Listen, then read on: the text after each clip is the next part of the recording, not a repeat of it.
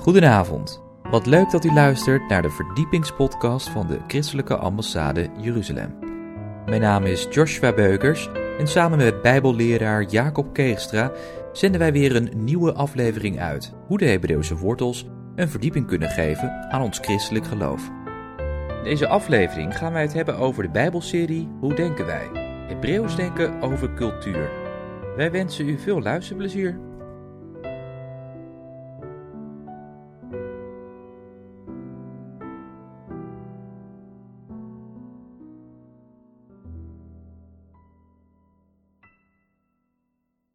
Goedemorgen, we zijn hier bijeen in het kader van de themaochtend Hebreeuws denken over de cultuur.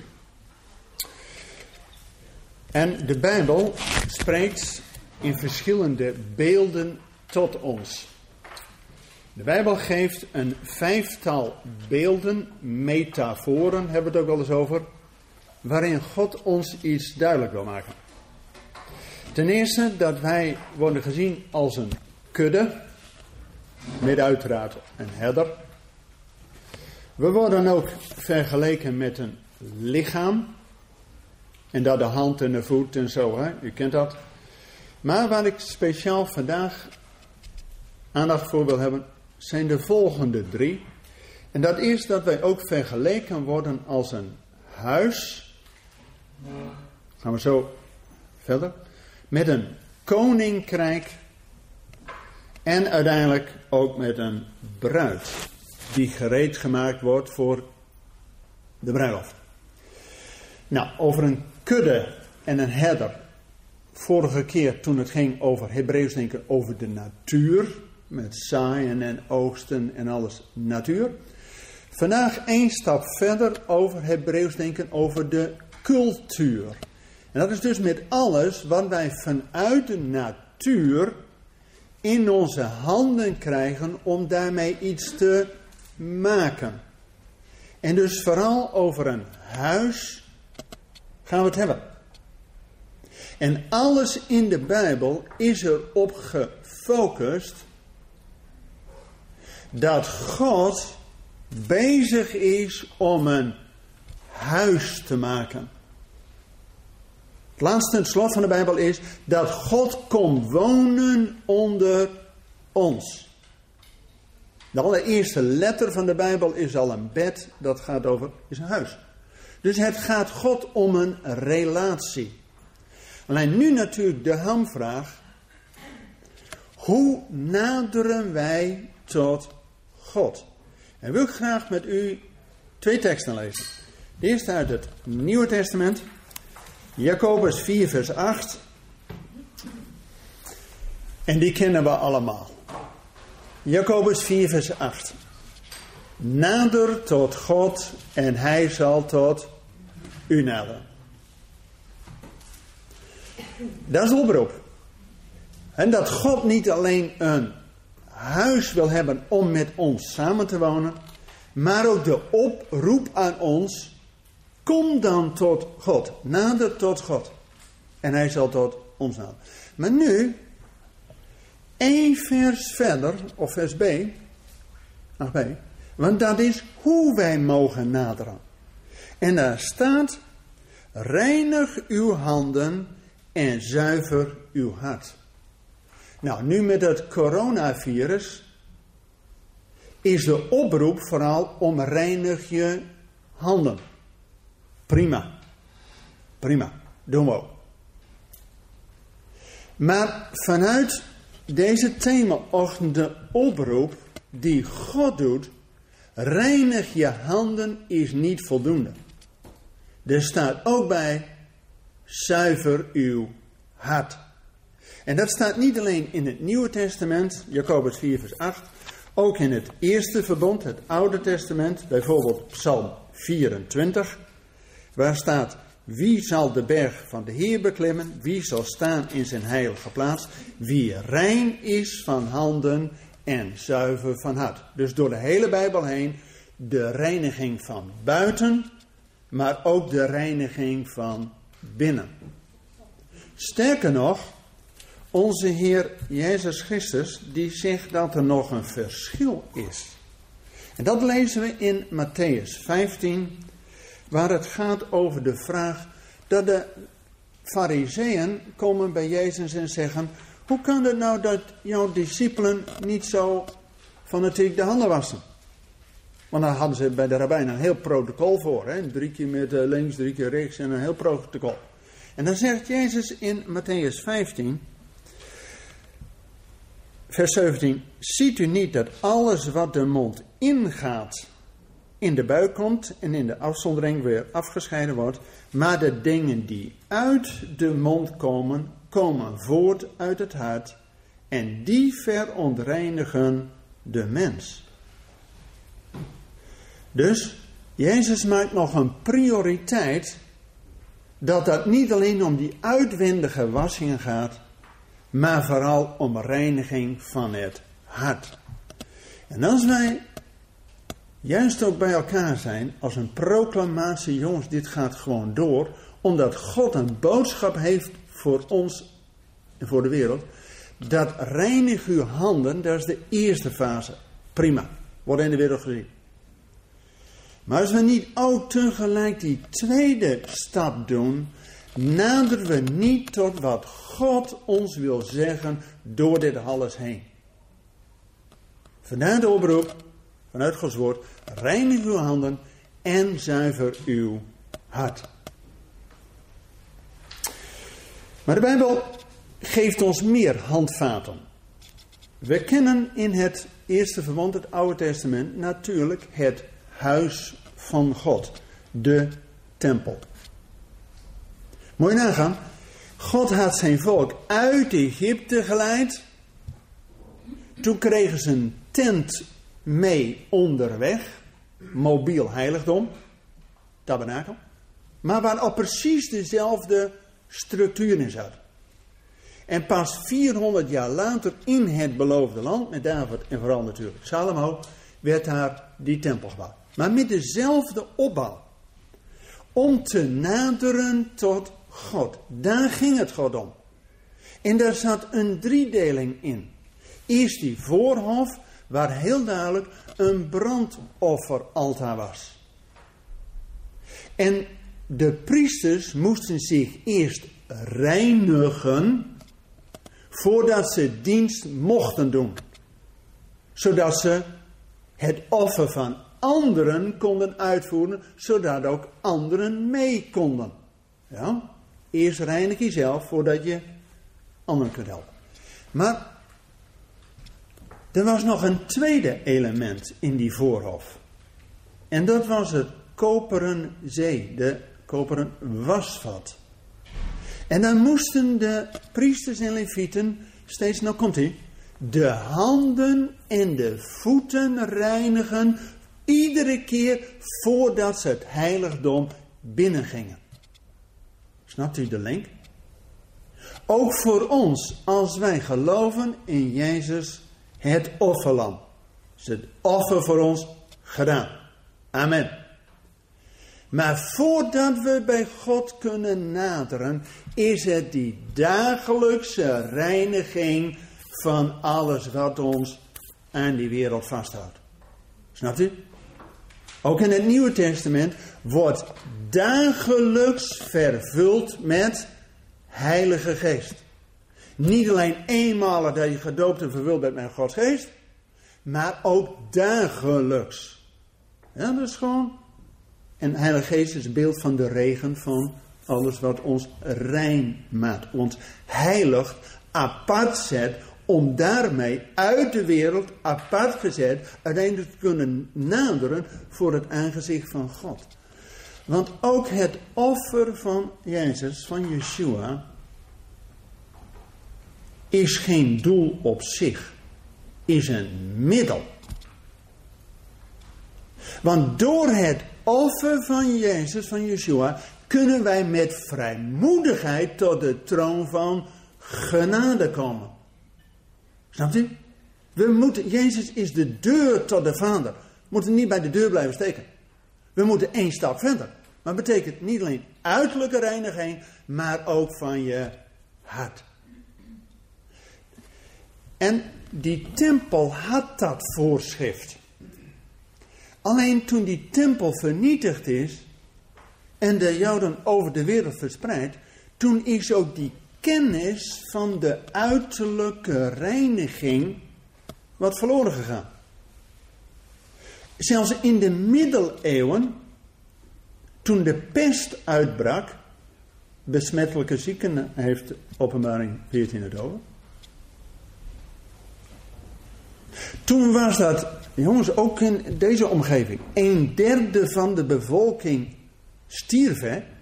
Behalve de Joodse gemeenschappen. Want die hadden die reiniging gewoon standaard. Ja, stond in de Torah, dus die deden dat gewoon. Alleen, toen draaide het om en toen kregen de mensen de pest aan de Joden. Zelfs in deze stad, tot drie keer toe, zijn de Joden deze stad uitgebonjourd. En met dat God een grote daad te doen. Het heeft geduurd tot 1846, dus nog maar ruim 100 jaar geleden, heeft men ontdekt het belang van handenwassen. Dat was in Hongarije in een ziekenhuis dat er twee kraamkamers waren. Ene werd geleid door vroedvrouwen die de vrouwen hielpen om te bevallen. En de andere door chirurgen. En een Joodse arts deed onderzoek en die zag dat die chirurgen die zeg maar eerst van de snijtafel kwamen of iemand uh, die overleden was en dan huppatee naar de bevalling om uh, te helpen, dat daar een veel hoger sterftekans was dan degene op die andere zaal. Dus hij zei, je moet handen wassen paar decennia later was misschien wel de beroemdste verpleegkundige, Florence Nightingale. Die had ook met de oorlog op de Krim. Die zei: Iedereen die voor mij werkt in het hospitaal, handen wassen. Verplicht. En mede daardoor is haar hospitaal veel hogere slagingskans, zeg maar, of genezingskans dan de. Dus we hebben nog maar sinds 150 jaar wat de Torah al lang gezegd heeft, jongens, uiterlijke reinheid. Maar ook nu één stap verder. Ook reinheid van binnen. Want anders heeft het nog geen zin. Want we willen juist in het Hebreeuwse denken over cultuur kijken wat God ons te zeggen heeft door dit alles heen. Dat vind ik zo mooi in Israël die leggen altijd de Bijbel naast de krant. Dus wat dan de parasha voor die week weer is. Vorige week was het Purim. Nou, dat gaat natuurlijk allemaal over die geestelijke strijd met Amalek. Maar dat heeft natuurlijk ook alles te maken met al die andere strijd die ons tegenhoudt, die ons afhoudt om te naderen, om tot ons doel te komen. En God heeft een doel, zelfs met deze situatie. Zullen we eens lezen in Lucas 21? Lucas 21, daar staat er. Laat ik lezen, dat gaat over ja, moeilijke tijden die wel eens kunnen komen. Nou, misschien zitten we al een klein beetje erin. En dan staat in Lucas 21, vers 10: Toen zeide Jezus tegen zijn discipelen. Het ene volk zal tegen het andere volk opstaan en het ene koninkrijk tegen het andere koninkrijk. Er zullen grote aardbevingen zijn in verschillende plaatsen, hongersnoden en besmettelijke ziekten. En dan staat erbij, vers 13, het doel. En, en dit zal u overkomen opdat u zult getuigen. Precies hetzelfde met die koningin Esther, toen met Purim. Dat Mordechai tegen haar zegt, beeld je nou niet in dat jij lekker veilig bent in dat paleis. Als jij nou niet getuigt, dan zal God wel via een andere weg verlossing geven voor de Joden. Maar dan zul jij omkomen. Misschien ben je wel voor een tijd als deze tot die koninklijke waardigheid geroepen. En dan zegt Esther, ik zal gaan. Ook hier staat voor ons, dit zal allemaal overkomen. Jongens, in die corona, ik denk dat dat nog maar een voorbode is. Weet u wat een corona is, trouwens?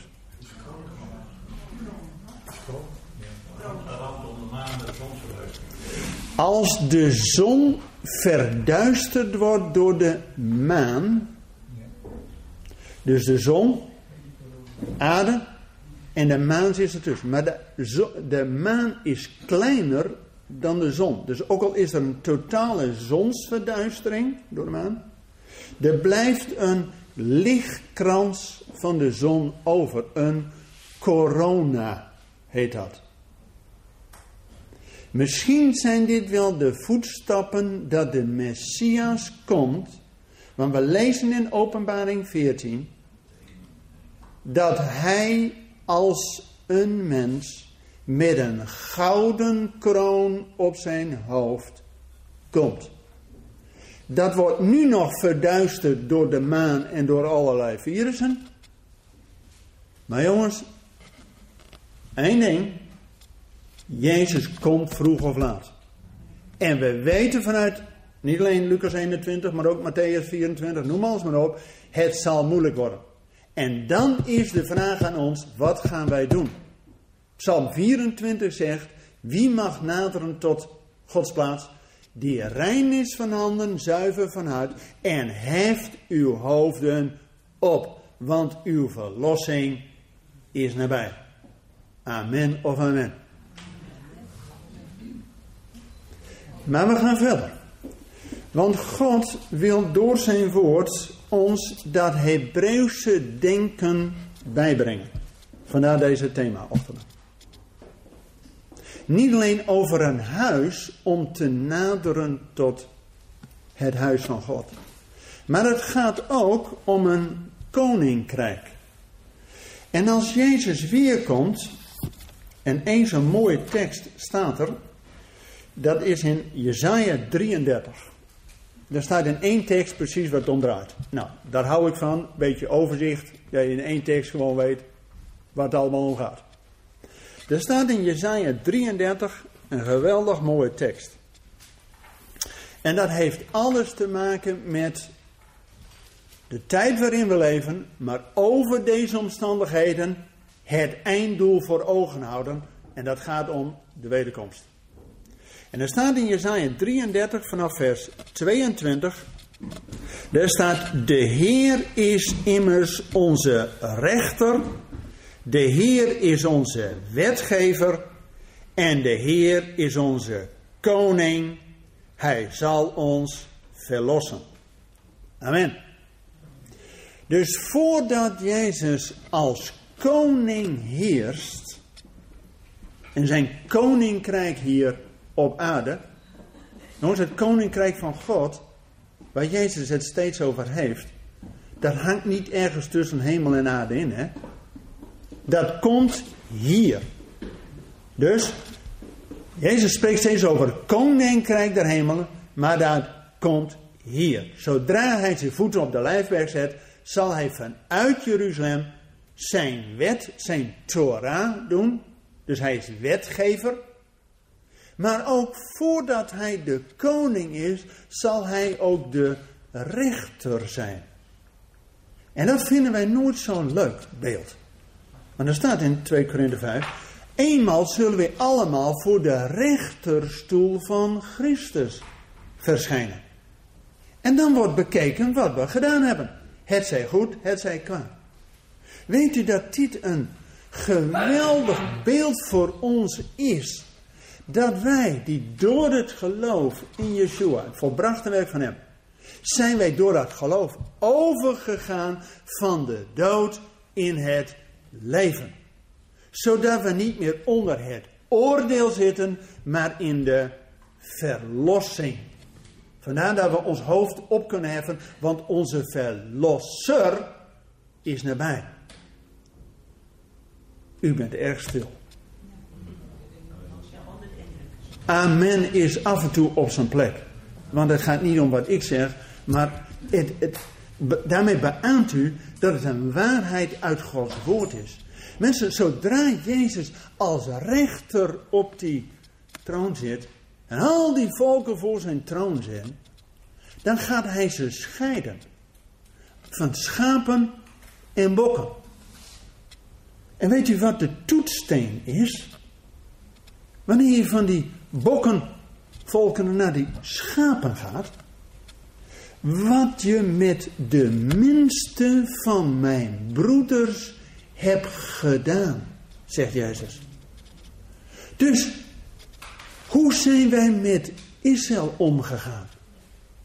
Hebben hun veracht, hun land verdeeld, of hebben we hen teruggebracht naar het land? Ik vind het mooi dat de Christenambassade of vanaf 91, 92 Inmiddels hebben we meer dan 150.000 Joden geholpen om Alia te maken. En we bidden dat ze niet alleen terugkeren naar het land, dat ze heen, maar terugkeren tot het hart van de Vader. En weet u, wij als gelovigen uit de volkeren, wij geloven in hun God, hè? De God van Abraham, de God van Isaac, de God van Jacob. Toch in eerste plaats hun God. Ja toch? Dus onze boodschap is, Israël, wordt het nou niet tijd dat jullie in je eigen God gaan geloven? Dat is de boodschap. Daarom doen we van alles. Om hen tot jaloersheid te wekken, zegt Romeinen 11.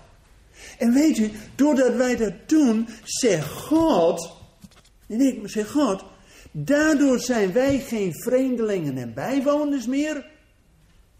Weet je wel, tweede rangs? Nee, zijn wij mede huisgenoten. Wauw! Dus kunnen wij ook naderen tot het huis van God. Niet een beetje dat je in dat schuurtje moet blijven staan voor betaaltje. Nee, we zijn mede-huisgenoten. We zijn zelfs mede-burgers. En we zijn zelfs mede-erfgenamen. Nou, wauw. Amen of amen. amen. Jongens, dat is onze positie. Geweldig. Dus heeft het zin om het na te denken over het huis. En in Israël, iedere Shabbat, als de maaltijd begint, dus apart gezet wordt, geheiligd wordt door het kiddush van de rest van de week, dan wordt het eerste is het handen wassen. Snapt u? Misschien heeft dat nu ineens een, gaat dat wat leven. Ik heb twintig jaar in de aardappelen gewerkt. Virusziekten. Ja. Het parool was, Zorg er nou voor dat je handen en je lazenschoenen schoon zijn. Zodat jij dat niet aan andere percelen overdraagt. Heel simpel. Dus ook daarin die wetmatigheid van reinig. Ja, maar wacht even. Dat betekent dat je dus eerst gereinigd moet zijn door het bloed van het lam. Daar waren die priesters ook, moesten zich eerst reinigen. En dan deden ze dienst in de wereld. En dan word je steeds dagelijks ontmoet je van alles. Dan moet je je handen en je voeten reinigen. Snap je? Jezus had zijn discipelen met het avondmaal. Die mensen waren al uitgekozen door Yeshua. Maar tijdens die maaltijd nog een reiniging. En ene gaat weg. Judas. Die kon er niet meer aan. Dus die kwam niet nader. Snapt u? Die miste het doel. Die miste de zegen. Wauw. En we gaan hier niet vandaan voordat we gezegend zijn. Amen. Mijn naam is Jacob. En ik heb van die eerste Jacob in de Bijbel geleerd. We gaan er niet weg. Wat voor worsteling het ook zal zijn. En Jacob had een hele worsteling. Met die engel. Maar we gaan hier niet weg. Voordat we gezegend zijn. Ja toch? Amen. En daarom is ook die Jezus als rechter is voor ons halleluja. Weet je waarom? Dat eindelijk het recht op aarde zal geschieden. Dat is de andere kant. Iedere keer denken, oh, we moeten voor de rechter komen. Oeh, wat heb ik nou weer op mijn kerst Maar door het bloed van het lam zijn we gereinigd en zijn we overgegaan van de duisternis in het licht. Dus Jezus zal ons vrijspreken. Dus als hij als rechter komt, is om juist het recht te zetten op aard. Wauw! Dat geeft mij nou hoop en een bemoediging. Dat dus niet het kwaad het laatste woord heeft, maar dat er eindelijk recht en gerechtigheid zal geschieden. En we zullen dan ook de wetten van Jezus doen. Weet u wat de wet, de Torah van Jezus is? Zullen we eens gaan lezen? Galaten 6, vers 2. En laat ik lezen vanaf vers 1. Broeders, ook als iemand onverhoeds tot enige overtreding komt, moet u die geestelijk bent, zo iemand weer terechtbrengen. En een geest van zachtmoedigheid. Houd intussen uzelf in het oog, opdat ook u niet in verzoeking komt. En nu komt hij. Draagt elkanders lasten en zo vervult u de wet van Christus. Op een andere plek weten we dat aan Jezus gevraagd wordt: Rabbi, wat is het grote gebod? En Jezus, de leraar der gerechtigheid, hield zich gewoon aan de Torah. Want die Torah, die vijf boeken van Mozes, precies in het centrum staat. Heb uw naaste lief als uzelf, want ik ben de Heer. En de samenvatting die in Deuteronomisch 6 staat, heb God lief boven alles, maar alles wat in is. Dus logisch dat Jezus, die het levende woord is, levende Torah, niks anders kon doen en ook niks anders deed, dan op die vraag van wat is nou het grote gebod, dat hij precies de kern in de samenvatting citeert, wat wij in de gouden regel van de christendom hebben. Heb, u, God lief boven alles en u naast als uzelf. En precies hier ook in Galaten 6, eigenlijk is dat wat de Torah zegt. Weet u, toen Israël de Torah kreeg, Weet u wat hun reactie was? Nou, daar zullen we nog eens over nadenken. We gaan uh, drie commissies vormen. Kijken wat de Heer gezegd heeft. En aan het eind van het jaar dan hebben we allemaal zo'n rapport. En één zegt dit, de ander zegt dat. Hebben we mooi excuus om niks te doen. Dat is precies wat wij.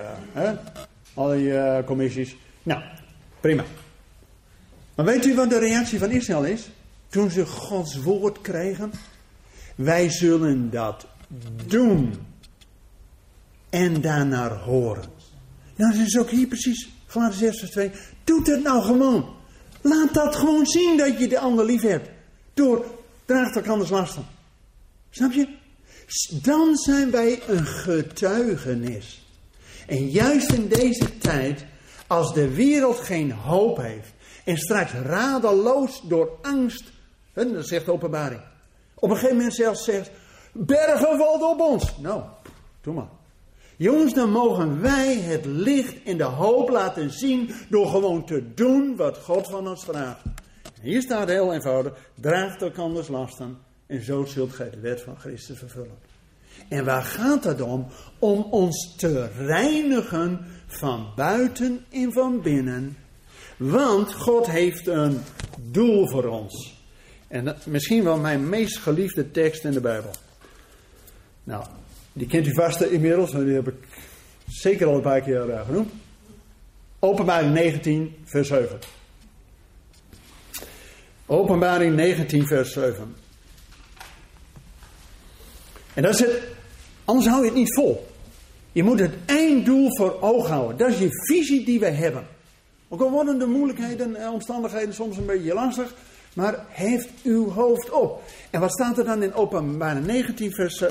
Ik begin vanaf vers 6, om de context te snappen. En er staat, en ik hoorde zoiets als een geluid van een grote menigte, en als een gedruis van vele wateren, en een geluid van zware donderslagen zeggende, halleluja. En daar is dat muziekstuk van Hendel, de halleluja, op gebaseerd. Dit vers.